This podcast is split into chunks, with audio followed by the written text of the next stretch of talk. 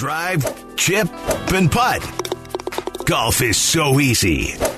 Four? Okay, maybe the occasional wedge. Let's talk golf. It's the CDGA Golf Show on ESPN Chicago. Presented by the Glenview Park Golf Club. Now, here are your hosts, Mike Gilligan and Tyler Rocky.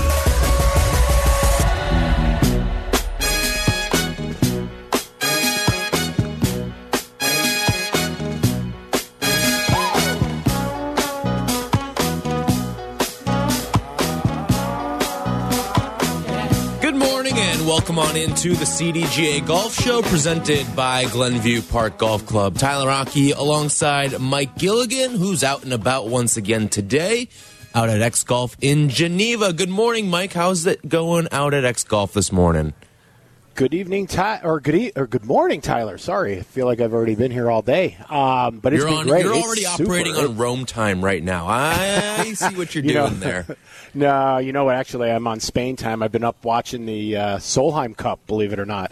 Uh, There you go. But here at X Golf, it is awesome. It is 71 degrees and perfect here inside. I know people like to play the game outside, but hey, as the days are getting shorter, just like yesterday, tried to play nine holes after work and I could could only get seven and a half holes in. So living here at this time of year, we're running out of sunlight. So what do we do? We come indoors. So X Golf is a great CDGA partner with us, and they are going to be having people playing here in just a minute as they come strolling in with their clubs.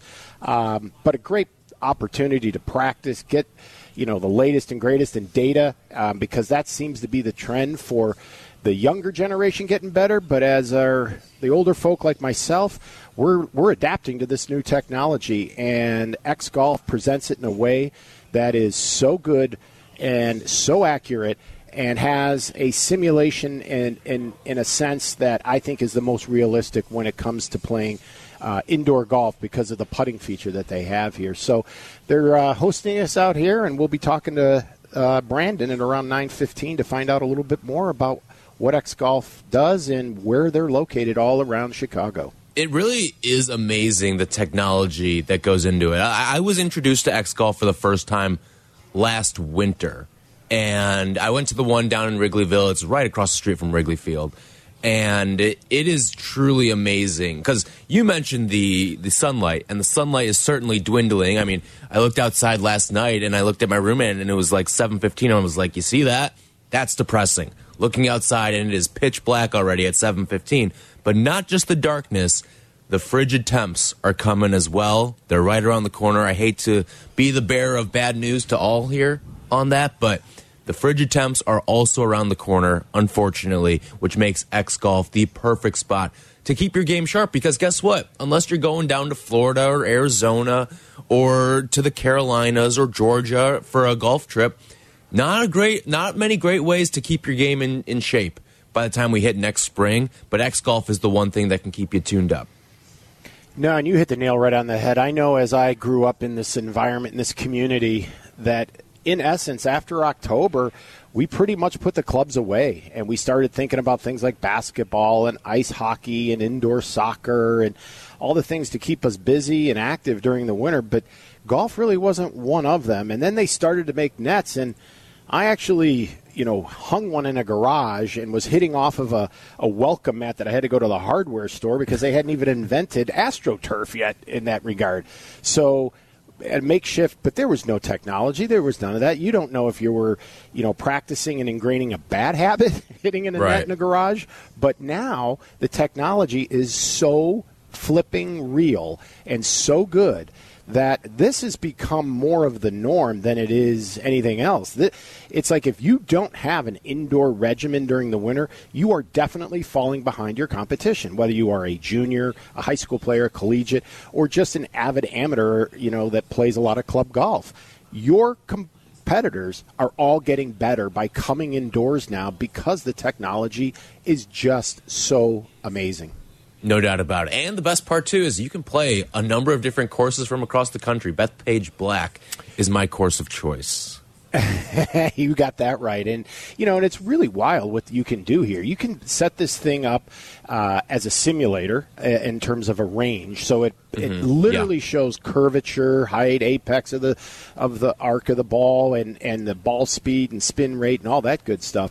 But to your point, you could play St. Andrews, Bethpage, Bay Hill, Pebble Beach, Kapalua. Um, so we actually organized an indoor series with X Golf last winter, and we opened up and played Kapalua while the PGA Tour was playing Kapalua, and then in the next month in February, we played Pebble Beach at four of the locations. And then we held the finals at t- simultaneously up in Schaumburg and Downers Grove, and they they played Bay Hill the week of Bay Hill. So it added a neat kind of dimension when the players could actually play the golf course then go home and watch how they play it on TV. Right. So it's it's really a it's great for practicing, but it is an amazing entertainment vehicle as well for parties and bachelor parties, birthday parties, family get-togethers. And Brandon is going to tell us all about that. But specifically, it's amazing how good people are getting as a result of this type of opportunity now that we have in our community. So we look to put more Illinoisans out on tour. No doubt about that. By the way, this segment brought to you by Geneva National. Let's get into some Ryder Cup stuff because it is now just one very short week away from hitting, uh, teeing it up out at Marco Simone in uh, Rome. So looking forward to all of that. But a, a lot of different things that I think people have been focusing on over the last week, week and a half. Obviously, the Fortinet and everything that went down there with Justin Thomas finishes fifth has a really strong Saturday, so so Sunday there. Um, and then everyone's sort of keeping their eyes on Brooks as well and what he's doing out at LIV in Chicago at Rich Harvest Farms uh, this weekend as well. But what's for you, Mike? What's been the thing you've really been tracking over the last couple of weeks as we get geared up for the Ryder Cup here? Well, I think with most Americans, I've been most curious as to how JT was going to do this past weekend, and and as we went on the show uh, last week. He had only played the two rounds, and then he went even deeper and lower on Saturday and played perhaps some of the best golf I've seen him play in 2023. Now, mind you, he he only went even par on Sunday, but he still had a top 10 finish and a very, very, very strong finish. So I was more than relieved. In fact, I'm excited now for what Justin Thomas can bring, not only as an intangible as to who he is, the experience, and the type of personality he has, but his game is on. He's doing things that he wasn't able to do in the spring and summer. And for whatever he has done, wherever he went and whatever he did and studied, he has found something. Now, will that something carry over on the plane ride across the pond?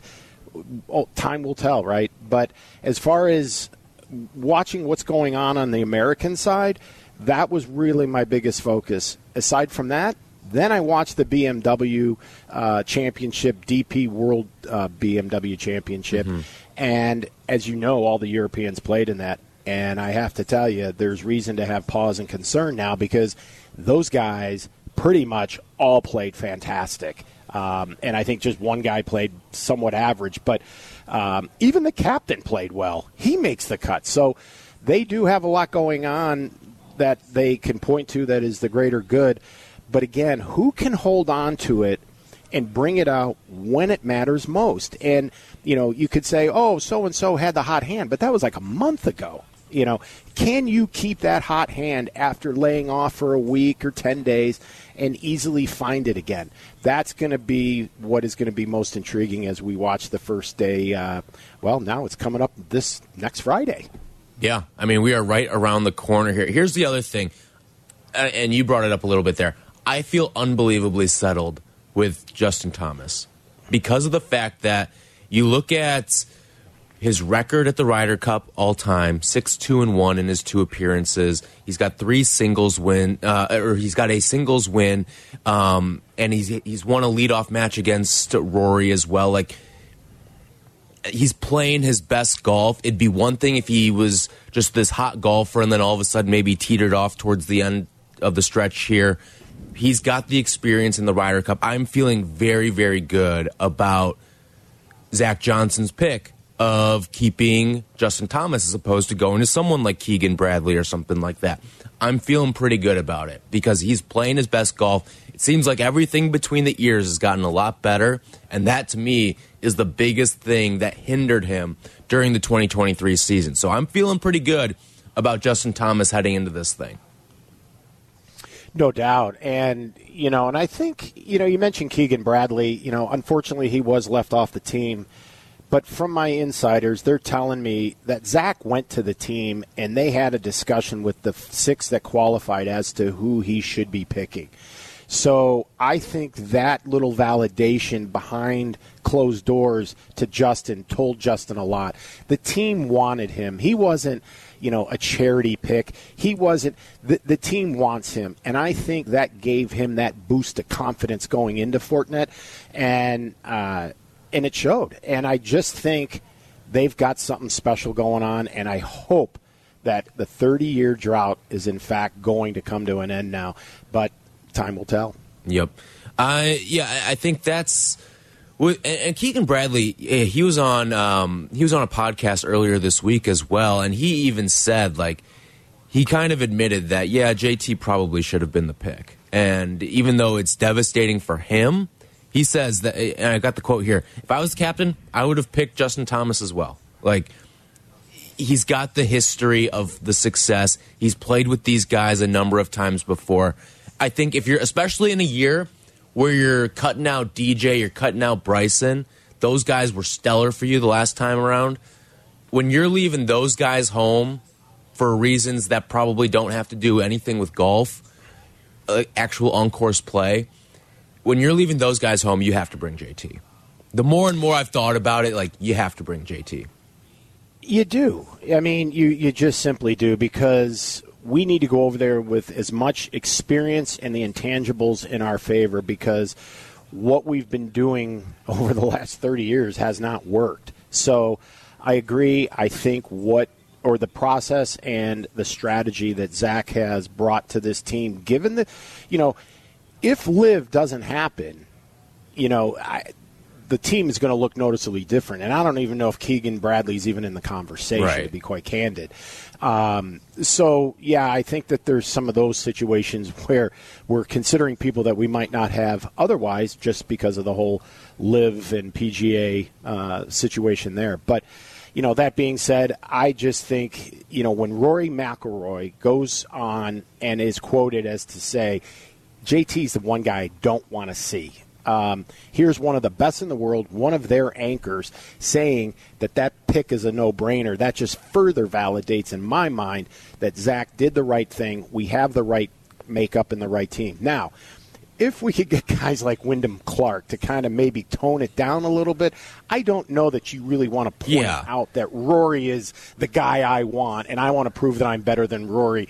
To me, you just gave them you know some nice team room, locker room material to put up on the bulletin board, and I'm not sure that Zach is applauding that that those comments or not. But you know, again, wouldn't it be something if we see a Wyndham Clark, Rory McIlroy, you know, singles match on Sunday? It would be it would be kind of fun. If it was Brooks, cool. If yeah. it was Spieth, cool. Hell, if, even if it was JT, cool. Wyndham Clark, keep your mouth shut right now. like you don't understand what you're getting into here, Rook. Like, come on. Yeah, I know. I mean, you do not want to wake that sleeping dog up because honestly, as I look at the team, the guy that seems to not have it on all cylinders right now is in fact Rory. So there's no need to keep stirring him up a little bit. Um, but of, of the team right now, he seems to be the one guy that is is not really true to his form of late. So time will tell again. You know what scares me too with Rory? With the team format and see him seeing the guys that he's going to be around with. He's going to be with, with Rahm, with Vic, Fleetwood, all those guys. He's going to look around that room, and I'm afraid he's going to play the loosest golf he's played all year long because we've seen him kind of tighten up and fumble away things on Sunday this year but when he looks and like when he's out there on the course during a major, there is no support system. He's the support system. It's him and his caddy, right? But when he's out there at the Ryder Cup and he sees, I've got Jon Rahm as a teammate, I've got Viktor Hovland as a teammate, that's his support system there. And I'm wondering if he's going to just go out there and play the loosest golf that we've seen him play in 2023 and get back into that form that that can be so devastating from a United States standpoint. And your comments are spot on because this is a guy that has spent the last what call it 18 months in a lot of turmoil and being the hood ornament for the PGA Tour and having to worry about everything under the sun outside the ropes except his own golf game. And here he might be able to get into a comfort zone in a cocoon that he's with his home fans, if you will, even though he's not from Italy, but the European contingent, if you will. Um, he's you know surrounded by a lot of his own friends and colleagues that are near and dear to him. He could find himself in a place of extreme comfort, comfort that he has not been in for almost two years, and he could show us a side of Rory that could absolutely bedazzle us when it's all said and done. Or he may not, but but I I get a little bit more on the concern side just knowing how very, very talented that young man is. Quick little sidetrack too. Uh, this is off of the the Fortinet uh, Championship where we saw Sahith Theegala go out and win first time on the PGA Tour. Um, that's a guy who I'm watching for for 2025. Oh, yeah. Theegala. That that's the name. He's not there. He wasn't really in contention this year, but that's the guy that I'm watching for. Young guy, up and coming, just won his first time on the PGA Tour. That's the guy I'm keeping my eye on for 2025. And no better place for a guy like that to get his rookie Ryder Cup start than over at Bethpage in yep. New York. No doubt I about mean, that. And I would feel bad for any of the rookies coming over from Europe to have to go to that Yeah. But that is, we're not going to get ahead of ourselves. We need to win now and and be in a position in 2025 to be, you know, defending the Ryder Cup and trying to keep it here on American soil. Um, but yeah, Sahith is is uber talented. And, you know, and watching that BMW championship, you know, I, I kind of looked at some of the players and I thought to myself, obviously you've got the mainstays are probably going to be solid, like your Hovlands and Rahms and mm-hmm. even Rory for that matter, right? Yeah. So who are the two guys that you think are going to make all the difference in the world for them to win or lose? In my opinion, I think it's Ty- Tyrrell Hatton and Matthew Fitzpatrick. If those two guys go and have a great Ryder Cup, we're in for some trouble. But if they don't play well, I think we got them. Yeah. That, I, well, I, I kind of get down to the you're only as strong as your weakest link sort of deal there. And I'm not saying that these, these guys are the weakest links, but the name that intrigues me the most is one of the young guys. It's Ludwig Åberg on the European side. Like, can he steal some points from the bottom? Can he steal some points for the Europeans down the, the stretch there? Yeah, I think he can actually, and I think he is going to be turned in to the next Sergio Garcia. Sergio started playing in this thing, I believe, when he was 19. Obviously, the winningest player in Ryder Cup history with 28 and a half points. But this this Åberg gentleman is can flat out play, and I know he has not seen the likes of a major yet.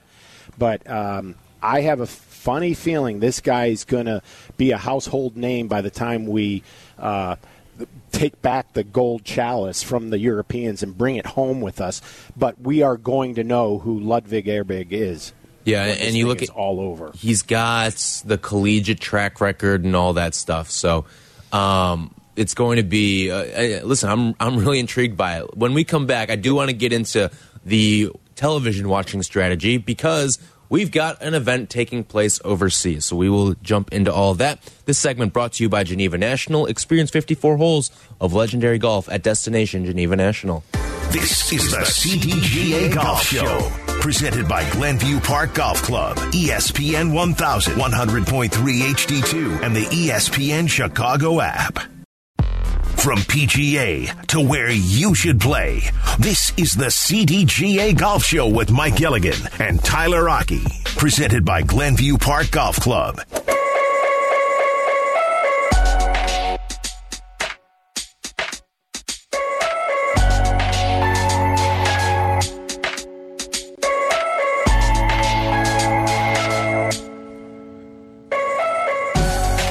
Segment brought to you by Tour Edge. At 8.35, we will chat with Rich Peterson, the co-chairman of the Richard E. Peterson Champion of Champions that's coming up about 10 minutes from now on the CDGA Golf Show. Tyler Rocky, Mike Gilligan, talking some Ryder Cup with you as we take a look at some of the television watching strategies. Now, this, of course, we're, we're working with a little bit of a time difference here, Rome time versus Central time working with seven hours here. But it's really not that far off from whatever strategy you employed with the British Open. You can kind of tailor to this. Now, the, the timings, everything starts a little bit later. Um, with the the Ryder Cup, which is a kind of nice. But you look at some of the the timing here, Mike. You you sent over some of the times here. You've got things teeing off Friday at 12:35 a.m. local time. And now this also messed with my head when I saw the television schedule and it says 12:30 a.m. to 11 a.m. and I was like, "Wait, are we working backwards?" And I was like, "No, 12:30 starts the new clock." And so that that kind of rewired the my brain a little bit there, but the, the television coverage on Friday runs from 12:30 a.m. to 11 a.m. on USA Network. Then Saturday you get 12:30 to 2 a.m. on USA, then 2 a.m. to 11 a.m. on NBC, and then on Sunday things get going at 4:30 a.m. to noon on NBC. So everything's going to be over by noon on Sunday, which is I guess kind of nice. It kind of funnels you right into football there, but you you look at your television watching strategy. Are you a record and then wake up and watch and just kind of go zero dark 30 on the phone? What's your strategy? For me, I, I enjoy getting up early. Um, and I, it's because the cat gets let out of the bag. You can try to avoid media and not knowing what's happening. But this event is just too grand in in my life because I've been to, gosh, I think about eight Ryder Cups in my career now. Um, it's to me one of the it's the Super Bowl of golf for me, and I will be up watching every single shot and probably paying in the paying the price in the afternoons and probably taking a lot of naps next weekend, but. It, there's nothing like it, and watching the drama unfold live, um, I think something gets lost when you already know the ultimate outcome or the score. Yeah, I'm with or, you. you know, and that kind of thing. So I plan to be up, and uh, I look forward to even watching the opening ceremonies. I always think that that's a a, a really neat way to kind of get things started. It's very unique to golf. A little more manageable of a wake up time too. 9 a.m. on Thursday. Yeah, so I think we'll get into the into the spirit with that, but. Uh, you know, and these opening ceremonies started out just with a yokel local marching band coming in, playing the national anthem, parading the guys in and the wives in and out, and calling it a day. Well, now these things have turned into concerts and big time entertainers. So I'll be very curious as to who they uh, bring in and what they do um, to you know to make this thing a, a, production and a half because the opening ceremonies certainly have and it adds to the overall experience for anyone who decides to go attend Ryder Cup whether it's here in the United States or across the pond. Yeah, I'm with you. I, I can't sit out and record because you're right. It's impossible to block things out. Uh, uh, it is impossible these days. You can't just go dark on the phone because somehow, some way it is going to get spoiled for you. So I'm with you. I I am a wake up early to try to watch it, and I'm cool missing little pockets here or there too. But I I have to wake up early if I'm going to watch it. I, I can't watch something that is already finished and the result is known, and because it, it, someone's going to ruin it for you somewhere. The, or just unintentionally, you're going to run into it. You're going to be grabbing a coffee, and all of a sudden, you see someone uh, talking to their buddy at, at, the Starbucks about the Ryder Cup and what happened. Like it's going to get ruined for you. There's no way to avoid it. There isn't, and you know, for me, Friday uh, morning at twelve thirty-five, I definitely will be tuning in for the very first shot. And the reason why is I am praying that Zach does the right thing and puts Justin Thomas out first because when you know you asked me earlier, you know, what did you pay attention to? Um, you know, with Justin Thomas his approach and his around the greens and his around the putting, the statistics that he you know, accumulated at the Fortinet are representative of what he used to do. I mean, he has improved specifically uh, shots gained on the approach, around the green, and putting. And the putting is dramatically. He he's improved almost five times what his uh, 22 23 season was in putting statistics. Um, it's just incredible. So I would love to see what kind of statement we're going to make first, and that's why it's going to be must see TV for me at twelve thirty five Friday morning. Yep, I'm with you, and that's when like you just stay up a little bit, right? Like that's or, it. Yeah, yeah, or like you you take a little what a, a seven uh, yeah like a seven p.m. to to midnight nap there. There you go. Yeah, that's the that's the strategy there. All right. Yeah, and the strategy is go go watch it, and then uh, when they have a break, go get a little workout in, and then get back to watching the afternoon matches at four something in the morning. There you go. So. All right, when we come back, we'll talk with Richard Peterson, from the co-chairman of the Richard E. Peterson Champion of Champions. That's coming up next. This segment brought to you by Tour Edge, the CDGA Golf Show. We'll be right back. This is the CDGA Golf Show on ESPN 1100.3 HD2 and the ESPN Chicago app. Golf is on your mind and on the air right now. This is the CDGA Golf Show on ESPN 1100.3 HD2 and the ESPN Chicago app. Presented by Glenview Park Golf Club.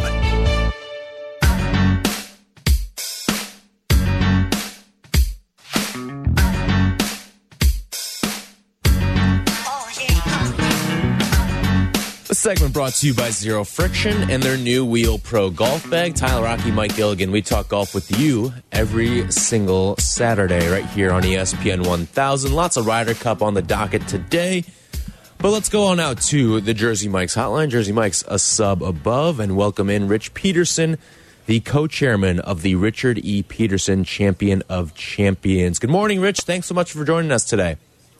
Good morning, and it's good to be here. So this tournament, again, for those unfamiliar with the Champion of Champions, basically takes the it's a one day tournament, stroke play, 18 hole with a sudden death to determine first place if necessary.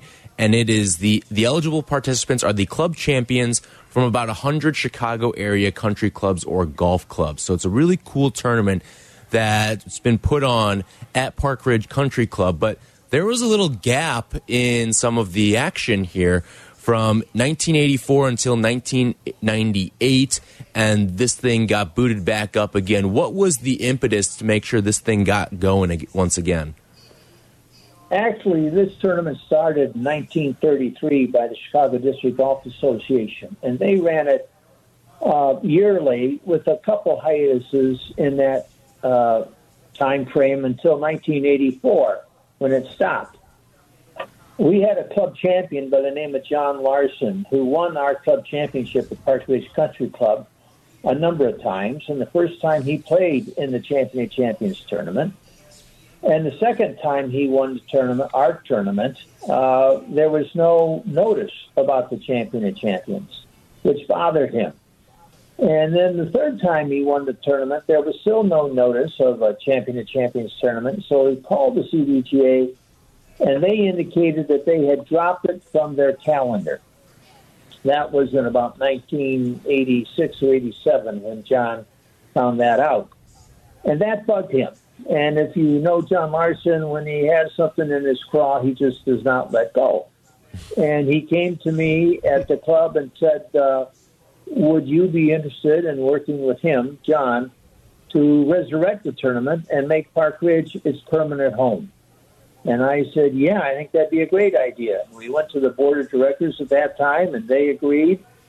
And so in 1998, we resurrected the tournament. Uh, and this year will be the 26th consecutive year that, that uh, Park Ridge has been the host venue. Well, Richard, uh, first and foremost, we are looking forward to another great Champions of Champion this Thursday out at Park Ridge. And a chance to see what I consider one of the gem clubs of the district in, in Park Ridge Country Club. Um, but really wanted to get a perspective from you. You know, 26 years in doing this. Um, this also has to be something that the club you know, from a DNA perspective, is all about. And tell us a little bit about the support the club actually does to make this day so special for some of the best Chicago amateurs around around our our area. The club has been magnificent, and so have our members. We get about 50 members each year who volunteer to help put on this one day tournament. We have a scorer with each group that has immediate access to rules official on the course. They also keep track of the score of each player. We have uh, scoreboards, leaderboards on the course in five different locations that are staffed by our members. And then the, the uh, staff itself uh, provides a wonderful meal, breakfast, and lunch for participants and the volunteers. And our ground superintendent has, of course, in absolutely magnificent shape. So this is a real club presentation of the course. We've got a wonderful golf course. It uh, has very subtle greens, and and uh, you have to be a shot maker to play well. And uh, as indicated by our champions over the last uh, 25 years, uh, they have been very good golfers, and they've been very good shot makers and good putters, which is, I guess, typical of most any champion. Rich Peterson joining us on the Jersey Mike's Hotline, co-chairman of the Richard E. Peterson Champion of Champions. So it's a one day stroke play, 18 hole tournament, sudden death if you need it. Have you ever put any consideration into stretching this thing out into a two or three round tournament? Or is that at this point, tradition is tradition, we're sticking with just 18 holes? I think we'll stick with 18 holes. First off, most of our players are, are uh, still working. You know, this is, this is, uh, they're amateurs and, and they've got a regular job. So taking two or three days out of their calendar to play uh, w- would be uh, pretty tough. Secondly, frankly, giving up our course for two or three days uh, would be difficult. So we're keeping it into a one day uh, stroke play tournament. Actually, it's not a sudden death uh, finish. If we have a tie, we play three holes. And those three holes, cumulative score, would win the tournament. And then if it's still tied, we'll have sudden death after that. But our thinking at this point is to keep it at 18 holes and and uh, present a real good tournament with a wonderful hospitality and uh, an exceptional golf course. Rich, your point about uh, these gentlemen all have jobs. I, I was fortunate enough, believe it or not, in 04 and 06 to qualify for this tournament, winning the club championship at Glen Oak. But unfortunately, due to business, I have never had the opportunity to play in one of these.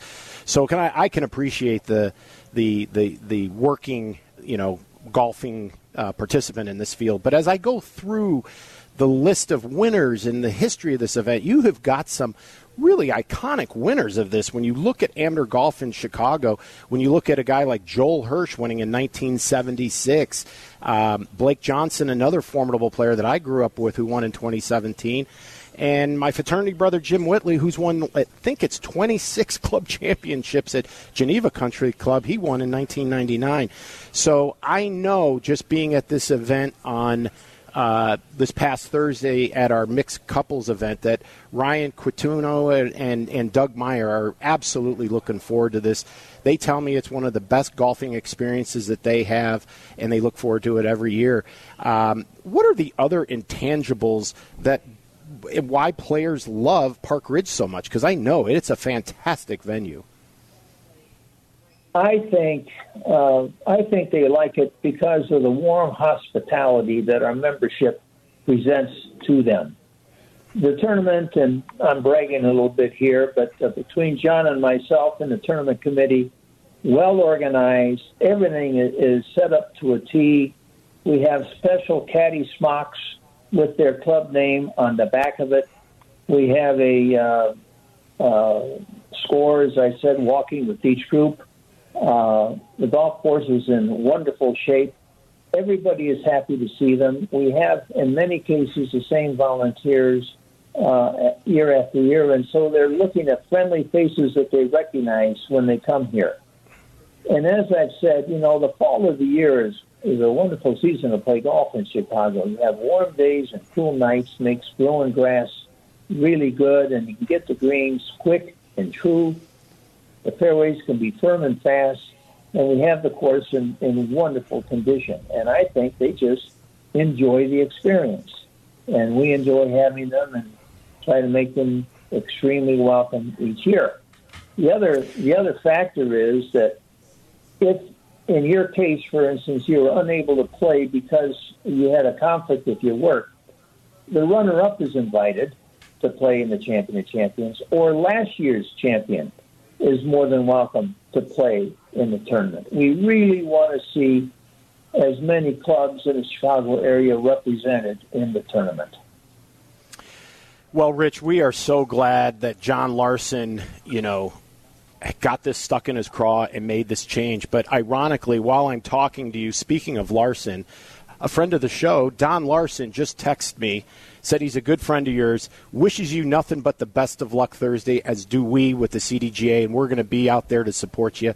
And we look forward to one heck of a great day, and we thank you for all that you've done for amateur golf in Chicago. Well, thank you very much, and I know Don Larson well, and you can thank him for the uh, the text.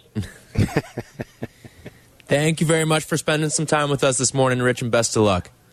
Thank you very much, and uh, thank you for having me.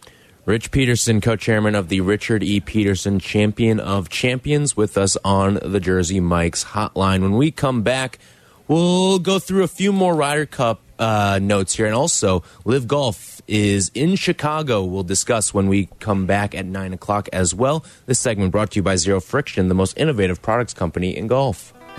This is the CDGA Golf Show on ESPN 1100.3 HD2 and the ESPN Chicago app.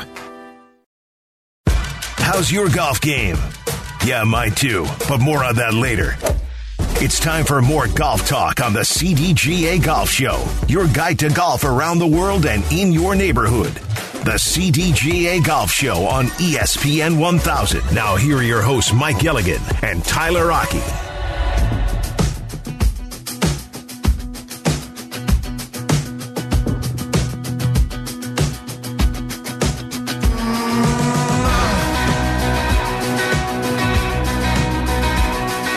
Segment brought to you by Tullamore Golf Resort. Experience a Michigan masterpiece. Talking some Ryder Cup with you here on the CDGA Golf Show. We'll be joined by Brandon Meagle coming up a little after 9.15, general manager out at X Golf. Looking forward to that conversation as Mike is out at the X Golf in Geneva today, 1900 South Randall Road, Suite 120. X Golf awesome spot, especially as the golf season dwindling down. Keep your game sharp over at X Golf. All right. Uh, I've got these odds here, Mike, from FanDuel. Just a couple of little props for the Ryder Cup this time around. And uh, I wanted to sort of pick your brain on a couple things here. But the top USA point scorer, so the, the player that's going to walk away with the most points for the United States here, Scotty Scheffler is the favorite here not very experienced in the Ryder Cup realm. He's at plus 470. Pretty long odds on all of these here. So you can get some pretty good value if you can nail it down here. But Scotty Scheffler as the top USA point scorer, plus 470. Xander's at 6 to 1, as is Patrick Cantlay. Brooks at plus 650. Collin Morikawa, 8 to 1. Homa, 9 to 1.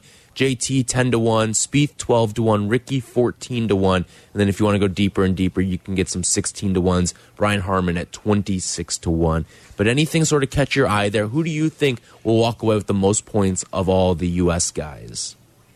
Well, I you know honestly, you know Scotty Scheffler seems to be a pretty darn good bet, right? But my my attention goes right to Patrick Cantlay for some reason, and I just think the guy is just he he's got you know cold water running in those veins of his, and I just think if he gets going um, and gets a hot hand, uh, Zach Johnson is not going to take him out, and I could see him playing, you know, all five matches. Um, but again, Friday's going to dictate a lot to us, but I.